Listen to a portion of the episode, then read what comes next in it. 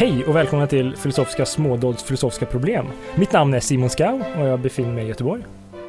Ja, ah, just det. Ja. Eh, Simon skrev just ett mail till mig, jag började Ja. läsa det istället. Men eh, Ja, trots det här. så heter jag Kristoffer Sundberg och sitter i Lödöse.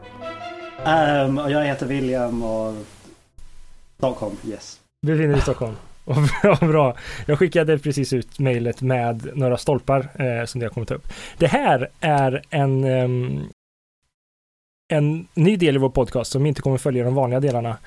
Eh, det här är ett tema som kommer kallas filosofiska problem och vi kommer testa att diskutera lite filosofiska problem under en lite kortare stund. Vi kommer fortsätta med våra längre bokcirkelaktiga delar, men ha lite sån här för att eh, testa lite filosofiska tankar och diskutera saker och ting som vi inte behöver läsa ett stor, en stor bok för, helt enkelt.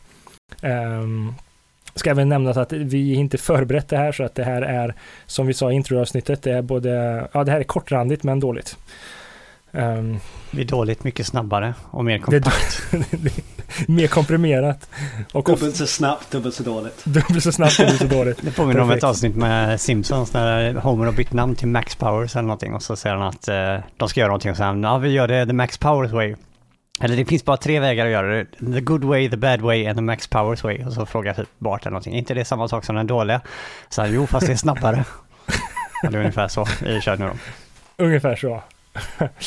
ja, ehm, Ska vi skicka ut spontana mail till folk under podcastet? Distrahera oss till det det ska vi göra. Det är ju, de har lärt sig det så här ifall man hamnar i en så här hetsk debatt någon gång och bara vill sabotera för den andra. Då jag märker att någon av er två har lite för bra motargument mot mig och behöver liksom ta till alla knep jag kan så vet man vad man ska göra då för att få er att tappa tråden. Precis. Fan vad bra. Eh, upplägget för det här är att vi kommer presentera ett problem vardera. Eh, eller ett, ett problem per gång. Vem det är, är, är olika från gång till gång. Eh, och så kommer vi försöka diskutera det och se- om det finns något intressant. Eh, jag tänkte faktiskt eh, ta tillfället i akt och börja. Ett problem som jag funderar lite på under en tid. Är ni beredda? Mm. Ni sitter och läser mejlet, eller hur? Ja, precis. Lite grann.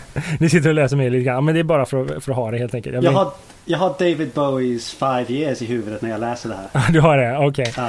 Eh, det här problemet är något som dyker upp i popkulturen lite hela tiden. Det är, framförallt nu, jag såg en tv-reklam som tog upp, eh, tog upp det här. Eh, mycket aktuellt med Interstellar-filmen, eh, anspelar på det. Även Doctor Who anspelar de på det väldigt ofta. Vi måste ju nämna Doctor Who hela tiden. Eh, även Battlestar Galactica. Jag nämner bara Space, eh, rymdserier nu och grejer. Det var, men som sagt, det här är ett problem som dyker upp lite överallt. Eh, och problemet kallas Elvis, det här är en, en version av Elvis Singer-problemet. Helt enkelt. Man kan tänka sig ungefär så här. Eller så här brukar jag tänka det här problemet. Eh, om man föreställer sig att man av någon anledning, vi, vi struntar i hur man vet det här, men om, om någon anledning så vet man att en vecka efter man själv kommer dö så kommer allt liv på jorden utplånas. Man kommer leva så länge som man har möjlighet till, men efter man dör så kommer allt liv på jorden utplånas. Och ingen annan vet det. Eh, kommer det här påverka på något sätt? Den intuitionen man brukar ha kring det här, eh, som, som många har när man diskuterar, är att livet skulle kännas rätt meningslöst. Mycket skulle kännas meningslöst, man skulle inte göra saker och ting, man skulle inte jobba, man skulle inte forska, man skulle eh, man skulle inte göra massa aktiviteter helt enkelt. Och det som verkar ligga i det här, i, implicit i det här verkar visa på att vi, vi förväntar oss att det finns någonting efter, alltså det finns ett liv efter döden, så att säga, andras liv efter vi lever, eh, efter vi har dött, som gör saker och ting meningsfullt. Men det här är som sagt det är bara ett tankeexperiment och det verkar inte vara rimligt. Men något vi vet är ju att en dag så kommer ju universum att dö ut. Den sista stjärnan kommer slockna någon gång, ungefär som i Doctor Who. Och allt liv på, i hela universum kommer en dag försvinna. Och om det är så som, som man börjar med att eh, om saker och ting skulle bli meningslöst, om man skulle veta att allt liv skulle dö ut, då skulle det inte finnas någon mening med att göra någonting. Om vi inte har en mening att göra någonting, inget skulle vara meningsfullt att göra, så skulle vi heller inte ha en anledning att, då skulle vi aldrig, det finns inget bör i det hela, så vi bör inte göra någonting, för det finns ingen mening att göra det eller uppfylla någonting. Och då blir det ett normativt, även ett moraliskt problem helt enkelt. Eh, så moralen verkar hänga på det här. Men av någon anledning så vet vi ju att universum kommer slockna och allt liv kommer en dag dö ut. Och då borde det ju följa att allt blir meningslöst och därmed att moralen skulle få ett problem. Men av någon anledning så verkar det ju vara så att vi upplever saker som meningsfullt. Och då är ju frågan, hur kommer det sig? Är det så att helt enkelt att eh, att vi tänkte fel i första tillfället att om, om vi har intuitionen att allt liv skulle dö en, som första premissen var, så skulle vi inte, alltså så är den fel. Eller är det så att eh, eh, ja, man kan förneka premisserna helt enkelt, det är det jag vill säga. Det som man kan tänka här, som jag brukar tänka, som jag tycker är lite intressant här, är att problemet här, att, det, att allt här stämmer. Problemet är bara att vi har, vi har en begränsad kognitiv kapacitet att tänka oss så pass långt fram som när universum kommer slockna. Så att det är egentligen så att det exemplet borde gälla lika mycket som första experimentet med att allt liv skulle dö en vecka efter vi dör. Mm, det tycks ju vara den rimliga, den första tolkningen man gör. Precis, och då blir ju fallet helt enkelt att det inte finns någon moral, ingenting är meningsfullt, men saker och ting är meningsfullt och då moral finns på grund av att vi är kognitivt eh, begränsade. Eller vad, irrationella. Det tycks ju uh, vara en konstig... Alltså det där med moral, jag, jag, ser verkligen kopplingen, men jag misstänker att det finns åtminstone någon väg ut om man vill rädda moralen. Ja, såklart. Men det här är problemet. Mm. Vad tycker ni? Är det något alltså, ni har tänkt på? Du först, bara för att klargöra det åt mig? Mm, gärna. Um, Först, vilken deprimerande start till filosofiska problem. um, jag tycker det är. För det, alla filosofiska problem är inte så här deprimerande. uh, för det, men för det andra, skulle, skulle du återigen bara säga, du, du kanske sa det och jag var bara lite slö. Men hur kopplar du meningsfullhet till moral? Jo, hur, hur jag kopplar det, det, det är, eh, man behöver kanske inte prata om moral här i det här fallet egentligen, men hur jag kopplar det till att om ingenting är meningsfullt så finns det ingen anledning att, det finns ingen, det finns ingen, det, det, det, ingenting är meningsfullt att göra. Om inte något är meningsfullt att göra så bör vi heller inte göra det. Och om vi inte bör göra något, alltså bör, alltså att böret i att göra någonting är en eh, normativ utsaga som moral bygger på. Mm. Vi bör vara snälla mot mamma och pappa, vi bör eh, ge pengar till uteliggare, vi bör hoppa på ett ben när vi är glada. Alltså, Får jag försöka förklara det? Eller bara... Ja. För att eh, när jag undervisat om moral så en av mina elever eh, gjorde, tror jag, vad ska man säga, sträckte sig efter någonting liknande det här. Om man pratar om då utilitarismen som säger att det ska bli så bra konsekvenser som möjligt. Låt oss skapa en så bra värld som möjligt. Att det är liksom incitamentet för moralen. Eller pliktetik, man ska följa de här plikterna. Så kan man ju fortsätta och fråga, men varför? Varför ska det bli så bra som möjligt? Varför ska så många medvetande varelser må så bra som möjligt eh, totalt summan över tid sådär? Alltså man kan ställa mm. den frågan igen. Uh, ja, jag är verkligen inte expert på Nietzsche. Alltså det är världens mm. underdrift. Jag har läst 90 sidor Nietzsche och tycker jag har ganska låga tankar om honom. Uh, men hans, den här grejen som folk slänger ur sig jämt, uh, Gud är död, är väl någon sån tanke. Alltså, vad finns det för mening med moralen? Om det inte finns en högre domare eller någonting. Och jag tror man kan ställa den frågan även om det skulle finnas en högre domare. Men varför ska vi vara moraliska? Mm. Om, um, ja. ja, förlåt. Fortsätt.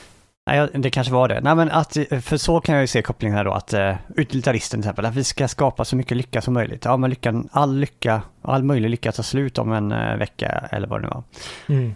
Okej, okay, varför ska vi ha den här lyckan? Uh, varför ja, vad finns det för mening att fortsätta, fortsätta? Alltså så här, om allt liv kommer dö ut om en vecka, då blir lyckan jag skapar idag meningslös i slutändan.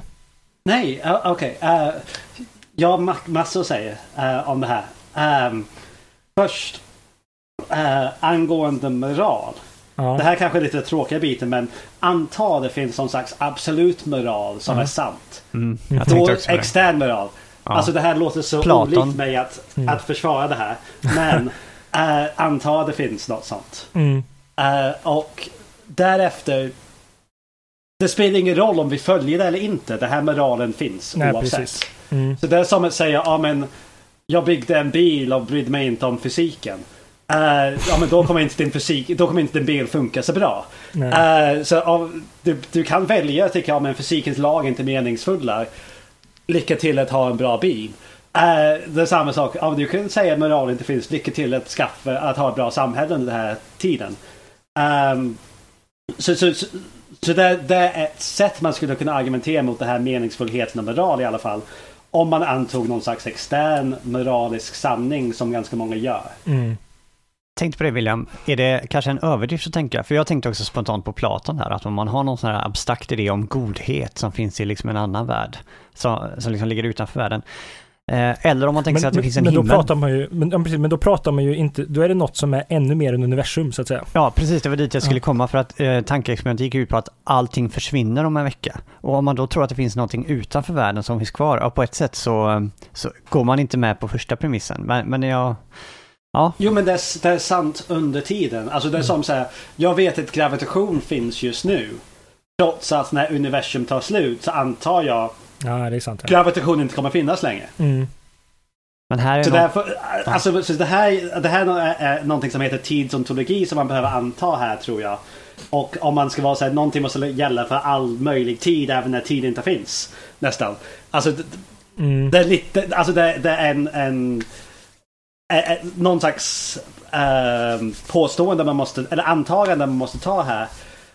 Och det är väldigt svårt att ta sådana här antagande om tid. Fast, alltså, när man pratar om när universum inte finns längre. Alltså, jag, jag, tänkte på det när jag skulle, skulle formulera det för att liksom så här, hur ska man tänka sig? För jag tänkte så här, i framtiden vet vi att universum kommer slockna. Men vad, vad, alltså tiden blir ju annorlunda, alltså det blir svårt att tänka sig framåt. Men man intuitivt förstår ju ändå vad det innebär. Tänker jag mig. Ja, Jo, man, man kan intuitivt förstå problemet men samtidigt jag tänkte om det finns en extern moral så gäller den under tiden jorden finns samtidigt som gravitation gäller. Mm. Gravitationens lagar kanske, slut, kanske upphör någon dag när universum tar slut. Mm. Då upphör moralen. Ja, precis. Ja, det precis, det tills dess. Det gör ju det. Jag, vet, jag hörde en... en Fast jag, alltså, jag tror inte på någonting jag säger just Nej, okej. men alltså som andra teorier så brukar man till exempel säga, men grunden för moral, ja men det kanske är saker och ting som eh, alltså, alltså, ett sätt som man säger så här, men det finns saker och ting som är meningsfulla i sig och inte bara för att folk ska finnas eh, efter att jag är död, är ju en, en naturlig invändning i det här. Till exempel att det finns saker och ting som är meningsfulla i sig, till exempel eh, musik. Det kan vara meningsfullt. Eh, folk, folk kan hitta mening i det, men då är det uppenbara det finns ju exempel på att saker och ting som ångest och stress påverkar möjligheten att njuta av till exempel musik. Eh, och i det här första fallet så skulle vi uppleva just en sån ångest och stress och då kanske inte musik skulle kännas upp meningsfullt, så det skulle fortfarande finnas där. Eh, och det skulle säga emot moraliska metaetiska teorier gissar jag, som säger till exempel att eh, moral är att höja lyckan eller njut njutningen i världen. Men givet de här premisserna så skulle njutning inte spela någon roll och inte vara meningsfull. Eftersom, alltså en, men, uh, uh, får jag... Ja, shoot. Som du sa där, och jag, jag tycker Kristoffer kommer tycka det här är intressant. Det kanske är precis det han tänker också, jag vet inte. Men som du sa då att existens eller meningsfullhet har en essens i sig eller något sånt, eller ett värde i sig. Mm. Då, då, skulle man kunna också säga meningsfullhet då. Man kan också få någon slags extern sanning i det. Uh, som uh, någon platonistisk grej som Kristoffer sa förut som man försökt göra med moral. Man skulle också kunna föra över meningsfullheten i den kategorin också. Mm. Att det finns någon objektiv extern sanning om meningsfullhet som vi kanske inte nödvändigtvis vet vad den är. Men vi kanske kan komma närmare åt det ibland. Ja, jag, Först en distinktion bara och sen, eh, sen så, alltså den första distinktionen är eh, om man skiljer mellan upplevd meningsfullhet och meningsfullhet, alltså mening på riktigt. För det är ju ingen tvekan om att det här är väldigt relevant för upplevd meningsfullhet. Att, att vi upplever livet nu som meningsfullt för att vi inte kan se slutet, men om vi gör tankeexperimentet så skulle vi se slutet väldigt konkret och då skulle det förändra hur vi upplever våra upplevelser. Men Eh, om man tar eh, den andra frågan, eh, är på ett sätt mer spännande tycker jag, eh, just om det verkligen finns någon mening med tillvaron. Och eh, den är ju på ett sätt helt kan man tänka sig logiskt oberoende av, alltså vi kan ju ha fel, bara det här att vi inte ser slutet komma gör bara att vi är mer benägna att begå felet och tro att det finns mening. Jag kan mm. inte låta bli att känna att vi inte helt fullt har tagit problemet på det stora allvar som det förtjänar. Att, eller, det är någonting frustrerande att eh, det här problemet är mycket jobbigare än vad vi hittills har. För det är någonting där med att man kan fortsätta fråga, vi säger så här, det finns mening under tiden universum finns. Men om man kan fortsätta att fråga varför är det meningsfullt? Alltså allting försvinner ju sen bara ändå. Alltså vad är syftet? Okej, okay, att det var, fanns meningsfulla saker då under tiden, men vad är poängen? Universum försvinner ju sen bara ändå. Att vi har liksom... Att frågan kvarstår ändå, det där. Vad, vad är poängen? Mm. Allt försvinner här, ändå. Och det här kommer, jag vill bara säga det här, eh, varför jag kallar det för en, eh, en version av Elvis Singer-problemet är för att Elvis Singer är en karaktär i en Woody Allen-film som är en nioårig pojke som vägrar göra sina läxor med motivationen att universum kommer dö en dag. Och så mm. försöker eh, rektorn och föräldrarna säga, ja men det är ju långt kvar tills dess. Och då är frågan, ja men spelar det någon roll egentligen? Ja, William, vad skulle du säga? Men jag tycker det som för, för man kan säga det här med äh, existensen i sig och den här externa saken jag pratat om ett par saker är intressant. Men mm. jag tycker den är egentligen irrelevant. Äh, för kommer vi att släppa det här efterkant? Mm. Efterkant? Ah, okay. nej, nej, det kommer vi nej. inte. Nej. Du kommer få veta varför efterkant. Okay. varför jag tycker det är intressant, inte intressant att prata om. Um, Men det här upplevda existensen. För jag tycker det är det som är problemet för... för Men, eller det som är det intressanta delen av det här problemet. Ja, vad sa jag? Exist ja. Meningsfullheten. Uh, för... Om vi, om vi ser det på ett annat sätt, om jag får strukturera om det lite grann. Uh, för det, jag tror alla har antingen sett, läst berättelser om det eller haft uh, upplevelser med folk man känner som har gjort så här. Men folk som, som uh, har ett år kvar leva. Mm. De brukar ändra på vad som är meningsfullt. Mm. I sitt liv. De brukar så här, strukturera om det, kanske så här, samla om familjen. Åka på den semestern de alltid vill åka på. Jobbet kanske spelar mindre roll. Mm. Och man prioriterar om sitt liv och skapar en ny sorts mening för sig själv. Och, upplevd mening eller riktig mening? Upplevt. Ja. Enbart upplevt nu. Uh, som man kanske tror är en annan sorts mening. Men, men om, om vi tänker på en annan situation. Man inte blev sjuk överhuvudtaget. Eller man blev frisk efter ett år. Mm -hmm. Av någon slags mystisk anledning. Eller så här, ny medikal drog.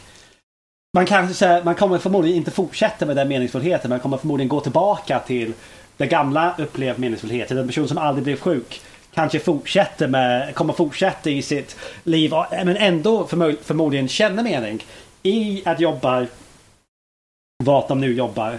Genom att göra de aktiviteter, aktiviteter de nu gör som de sen tyckte var meningslösa sen. Mm. När, när de blev sjuk. Alltså, så, så, man har två situationer här eh, som skulle, som skulle kunna ske. Counterfaktiska situationer om man vill använda ett tekniskt begrepp. Uh, och jag ser ingenting fel med någon av de här upplevd meningsfullhet. Nej, nej. Precis, nej, precis på samma sätt, förlåt. Att om man fick reda på att det finns en vecka kvar innan jorden försvinner.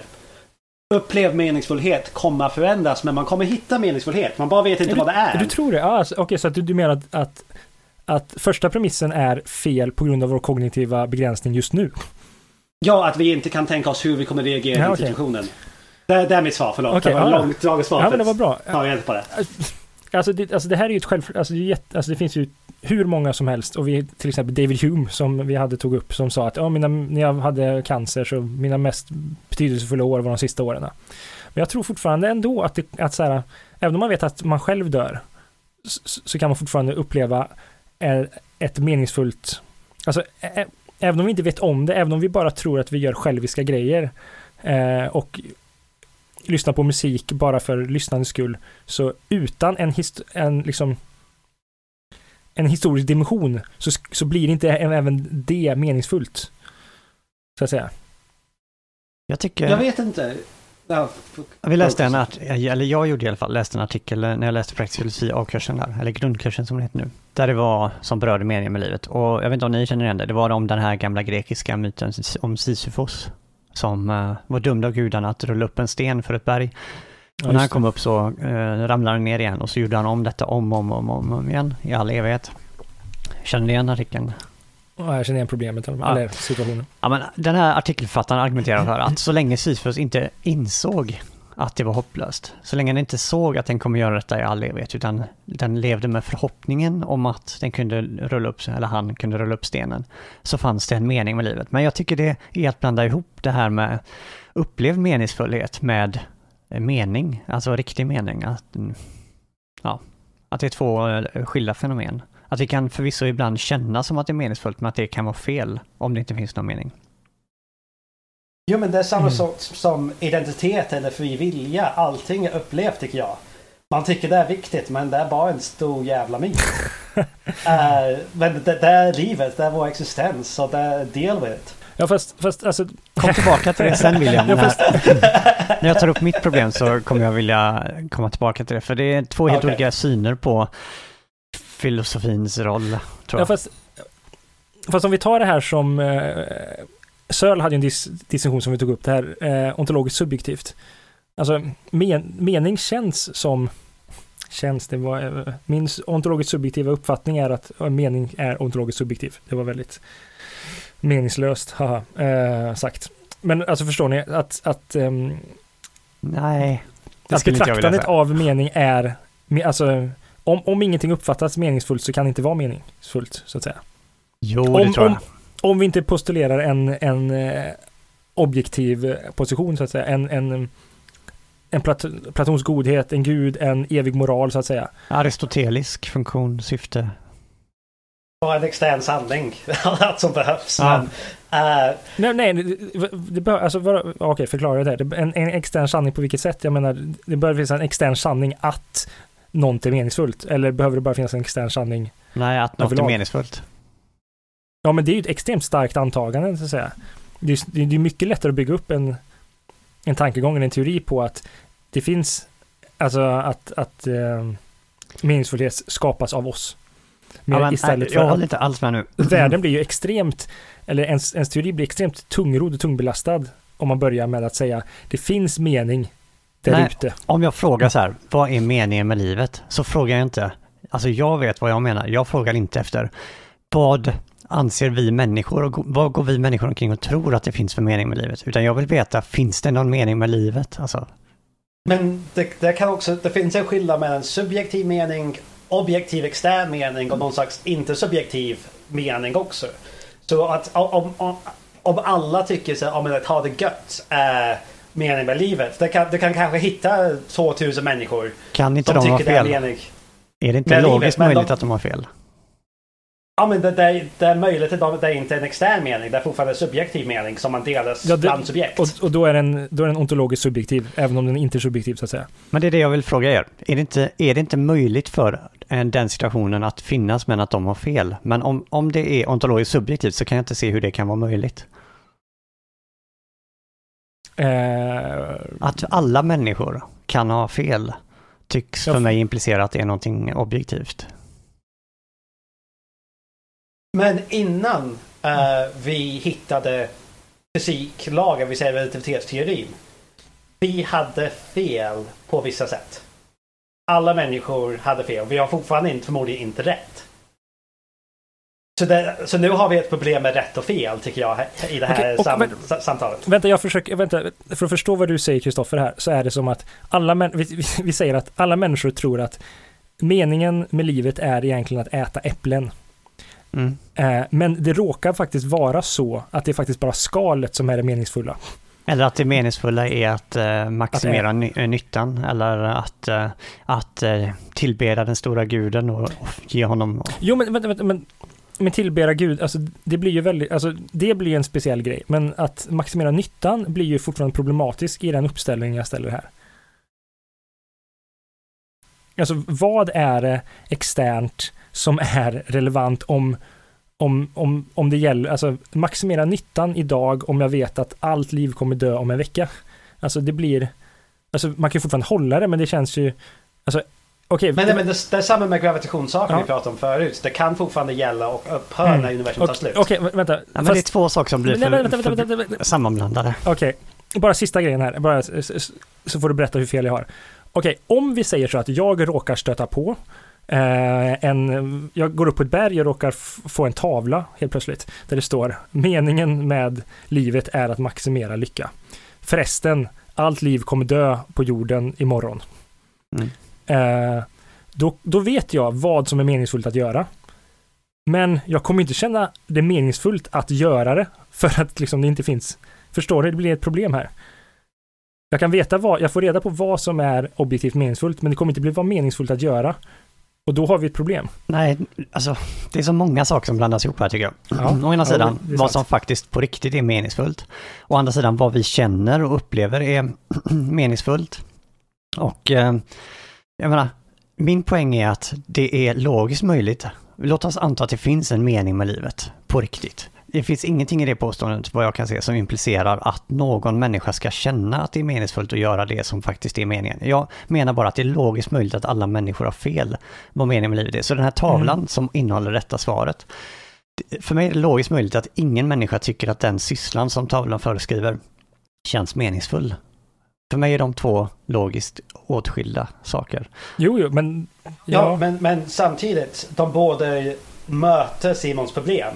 Och uh, så antingen kan man ta Simons uh, fem, sex premisser och köra in upplevd meningsfullhet. Eller köra in um, uh, eller göra samma argument på extern mening som alla människor har fel om. Ja, för Alltså jag vill bara förtydliga att jag känner kraften i ursprungsargumentet som Simon la fram. Så är det inte så att jag sitter här nu och argumenterar för att det finns en mening. Jag tyckte det lät som att Simon försökte eh, argumentera mot mig på den punkten. Jag menar bara att för mig så, jag ser inte hur upplevd mening kan ge lösningen på eh, ursprungsproblemet. Nej, det ger egentligen ingen lösning. Alltså... Aha, men om upplevd, menings, om upplevd mening är så kontextberoende att Uh, enligt mig, man kommer alltid hitta mening på samma sätt som man, all, man alltid kommer uh, känna en vilja. Det är en egenskap vi har i, som människor. Mm. Det är mm. vår kognitiva förmåga. Det är som att bara för att jag tänker så här, ja men det finns så många brister med min synkraft, äh, synfakultet. Äh, att jag egentligen jag, säg att jag är färgblind. Fan, jag är så trött att jag är färgblind. Jag vill sluta se nu. Det går inte. Är vi upp, även om jag har brister i min existens äh, känsla som jag har. Vi kan inte komma ifrån det. Ge mig ett år kvar att leva, jag kommer hitta någon mening. Ge mig mm. två dagar, jag kommer hitta någon mening. Tio sekunder, jag kanske inte hinner. Men på något sätt så tycker jag att det, är en, det här upplevd meningsfullhet är någonting som människor har en förmåga att göra. Så ge oss fem år och vi kommer hitta något som är gött att göra under den tiden. Precis, men då, är, alltså då är ju helt enkelt problemet med är ju att första premissen, att den faktiskt inte stämmer. Jag ser nu att problemet är ja, att precis. det växlar mellan bägge betydelser i alla de olika. Så i första så är det så här, om vi skulle veta att en vecka efter vi dör så kommer allt liv dö ut, skulle det då inte kännas meningslöst att göra typ allt? Okej, okay, så det är så upplevd mening. Mm. Och sen kommer tvåan, bla bla bla, vi kan härleda bla bla bla, att varför vi upplever att saker och ting är meningslösa är för att det är så långt borta. Okej. Okay. Så det är ett, återigen ett påstående om upplevd mening. Vi vet att universum kommer att dö, okej okay, det är en vanlig fakta. Eh, givet två och tre borde vi inte finna något meningsfullt. Återigen, upplevd meningsfullhet. Mm. Femman, om inget är meningsfullt att göra, det här är helt plötsligt ett ontologiskt påstående, så bör vi heller inte göra det, vilket innebär att moralen blir problematisk. Nu helt ja. plötsligt har vi bytt dimension till faktisk ja, det, moral och det, faktisk Det behövs mycket, mycket mer... Nej, nej. Ja, okay, förlåt. Det behöv, alltså man, man, kan skriva om det så här, om ingenting känns meningsfullt så bör vi inte göra det som vi känner för, vilket innebär problem för moral. Alltså man mm. kan skriva om den meningen till en upplevt mening tycker jag. Inte utan att bli, tycker jag, moral nihilist i övrigt. Alltså det, Nej, men moralsubjektivist i så fall. Moralsubjektivist, ja precis. Ja, nej, okej, okay, ta femman på, på det sättet då. Eh, skriv om den. Okej, okay, femman som den är nu. Om inget är meningsfullt att göra så bör vi heller om inte inget, göra det. Ja. Mm. Om inget upplevs som meningsfullt ja. um, så kommer vi inte känna att göra någonting som vi känner är meningsfullt. Mm. Är inte det nästan tautologiskt? Om ingenting känns meningsfullt så kommer ingenting att kännas meningsfullt. Nej, så kommer vi inte göra någonting inte göra som det. känns meningsfullt. Alltså om, alltså om, vi inte, om inget känns meningsfullt så har vi ingen... Okej, okay, det, det som luskar, slinker in här är att då har vi ingen motivation att göra det. Det är kanske det istället för bör. Det är kanske motivation snarare än bör. Alltså, jag var lite för kaxig att jag försökte, försökte dra in det på moral. Eh, det kanske bara handlar om meningsfullhet, men det stämmer ju. Alltså, om ingenting är meningsfullt så kommer våra handlingar, eller så kommer handlingar för att uppfylla en meningsfull handling kommer försvinna. Men nu sa du att om ingenting är meningsfullt, då, men då var vi på om, inget, okay, om ingenting kännas eller upplevs meningsfullt ja. så kommer motivationen för att göra någonting som vi känner är meningsfullt. Men vänta nu, ingenting kändes meningsfullt? Ja, det, det är inte så svårt. Om ingenting upplevs som meningsfullt. Ja. Ta det långsamt. Då kommer motiv då kommer motivationen ja. för att agera på ett sätt som kännas meningsfullt. Känns meningsfullt, men ingenting ja. kändes meningsfullt. Ja. Nej, nej, men det är just det som är grejen. Precis. Alltså, ta vilken deprimerad som helst, alltså, alltså, alltså som är en djup depression. De upplever ju en djup meningslöshet med saker och ting. Och de blir så att säga handlingsförlamade. De känner ingen motivation till att göra någonting. Eh, och för att man kan då eh, naivt tänka sig, för att allt känns menings, meningslöst. Eh, nu har inte jag varit deprimerad, så jag kan inte riktigt beskriva det korrekt, men alltså, det är det steget. Jag kan dra, jag kan dra ett exempel om det, om det är okej. Okay. För, jag, för jag sa förut att människor kommer alltid hitta meningsfullhet och så vidare. Mm. Och det stämmer inte, för det finns ett hemskt, hemskt, jag tycker extremt hemskt experiment som man gör eh, hos djur. Ja, det med hundarna och elgolvet. Ja. ja som heter inducerad hjälplöshet tror jag. Ja, fy fan. Ja. Och då man elchockar dem på, man har så här elstötar djuren genom eh, golvet. De försöker ta sig ut, hitta en plats på golvet som inte orsakar smärtar. Men ingenting hjälper så till slut så ger de upp och bara ligger där och, blir, och får elchockar. Jättehemskt är ju experiment tycker jag. Men så, så det är möjligt att vi förlorar den här känslan av att agera som de som agerar med mening. Så om man säger att hundar i det här fallet har möjlighet att agera med mening, att, att agera för att äh, lämna sin smärta. Mm. Där tycker jag att man kan ta bort den meningsfullheten där. Mm. Som de hade. Uh, har du hört det här exper experimentet Kristoffer förut? Ja, ja. Jag undervisade om det för ett tag sedan. Okej, okay, ja, du behöver inte förklara. Kan du köpa det argumentet då? Uh, Någonting lät väldigt konstigt. Ja, 30, alltså, det, det har gått 30 minuter. 30 minuter. Okej. Okay. Eh, nej, jag blir lite besviken om det handlar om upplevd meningsfullhet. Jag skulle snarare vilja ändra de andra premisserna så att det handlar om faktiskt meningslöst. Och för det är en mm. fråga som verkligen berör mig. Finns det någon mening med tillvaron? Och just det här tankeexperimentet som faktiskt skulle kunna inträffa, teoretiskt sett, eh, tycker jag sätter ens intuitioner på prov. Det känns som att det är livet, ja men det måste finnas en mening ändå. Vi skaffar barn och vi för vidare, bara för att vi inte ser slutet. Ja, och vi försöker fixa klimatproblemen och ja. visst, vi vet att solen kommer kanske explodera så att jorden går under, men vi kommer kunna komma ut i universum ändå, så att säga. Men... Ja, för jag, när jag, jag blev ganska ställd när jag fick den här frågan av den här eleven, så, så tänkte jag så här, ja, men en utilitarist skulle nog vilja säga, och jag kan till viss del sympatisera med det, att, ja, men, att människor mår bra Eh, det behöver liksom inte ha en extern liksom att människor mår bra här och nu, det, det, är väl bra. Alltså det förstår man väl, det förstår du väl själv liksom, att det är väl klart att det är fint att må bra. Att, eh, att frågan att försöka berättiga det ytterligare är liksom, de vill att man, eh, har du väl insett att om du blir så här och så här så mår människor bättre, så ska du automatiskt inse att det är klart att det är någonting bra då. Och på ett mm. sätt kan jag sympatisera med det, men samtidigt, det här tankeexperimentet ställer verkligen saker till sin spets. Men bara, även om, eh, jag kan se en skillnad, även fast jag, låt säga att jag skulle gå med på att det här implicerar att livet är meningslöst, så skulle jag ändå kunna se en skillnad på ett liv som är meningslöst i den här betydelsen av lidande och ett med njutning och lycka och jag skulle välja ett lyckligt liv. För det känns mycket skönare. För att jag tycker om att, att vara lycklig och jag tycker inte om att lida. Jo, men ja. Men intuitionen här är ju att du, du skulle liksom inte bry dig.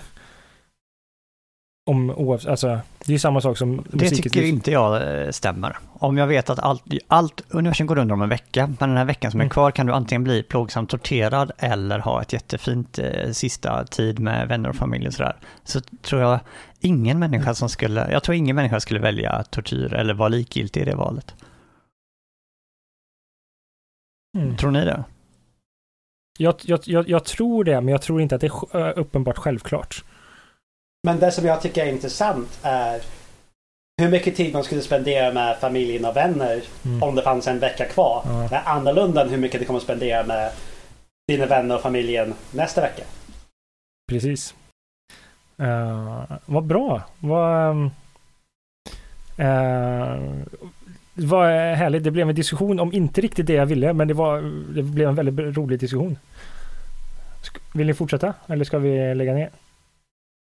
Nej, vi kan väl testa att lägga ner det. Jag tycker det problemet var jättespännande och det är provocerande för att det känns som att det går emot min vardagliga hur jag är normalt. Och det, mitt mm. förnuft när jag tänker igenom det här argumentet kontra mina handlingar och mina upplevelser av vardagen stämmer inte överens. Nej. Alltså jag tycker, alltså, jag drar det för långt när jag försöker gå till moral, men vill, alltså, äh, jag tror man kan argumentera för men, men min, det jag tycker är roligt och svårt är ju så här, men är saker meningsfulla för vi är kognitivt begränsade? Alltså det är liksom, det är en uh, intressant tanke. Men tack så jättemycket. Uh, ska ja. vi låtsas säga hej då? Ja. Ah, det, vi klipper in det när vi säger den sista. Kristoffer säger inte hej då. Nej. Okej. Okay. Det är inte meningsfullt att säga hej då. Universum kommer ändå gå under så... Ja, de kommer ändå sluta lyssna på oss. Ja, precis. Ja.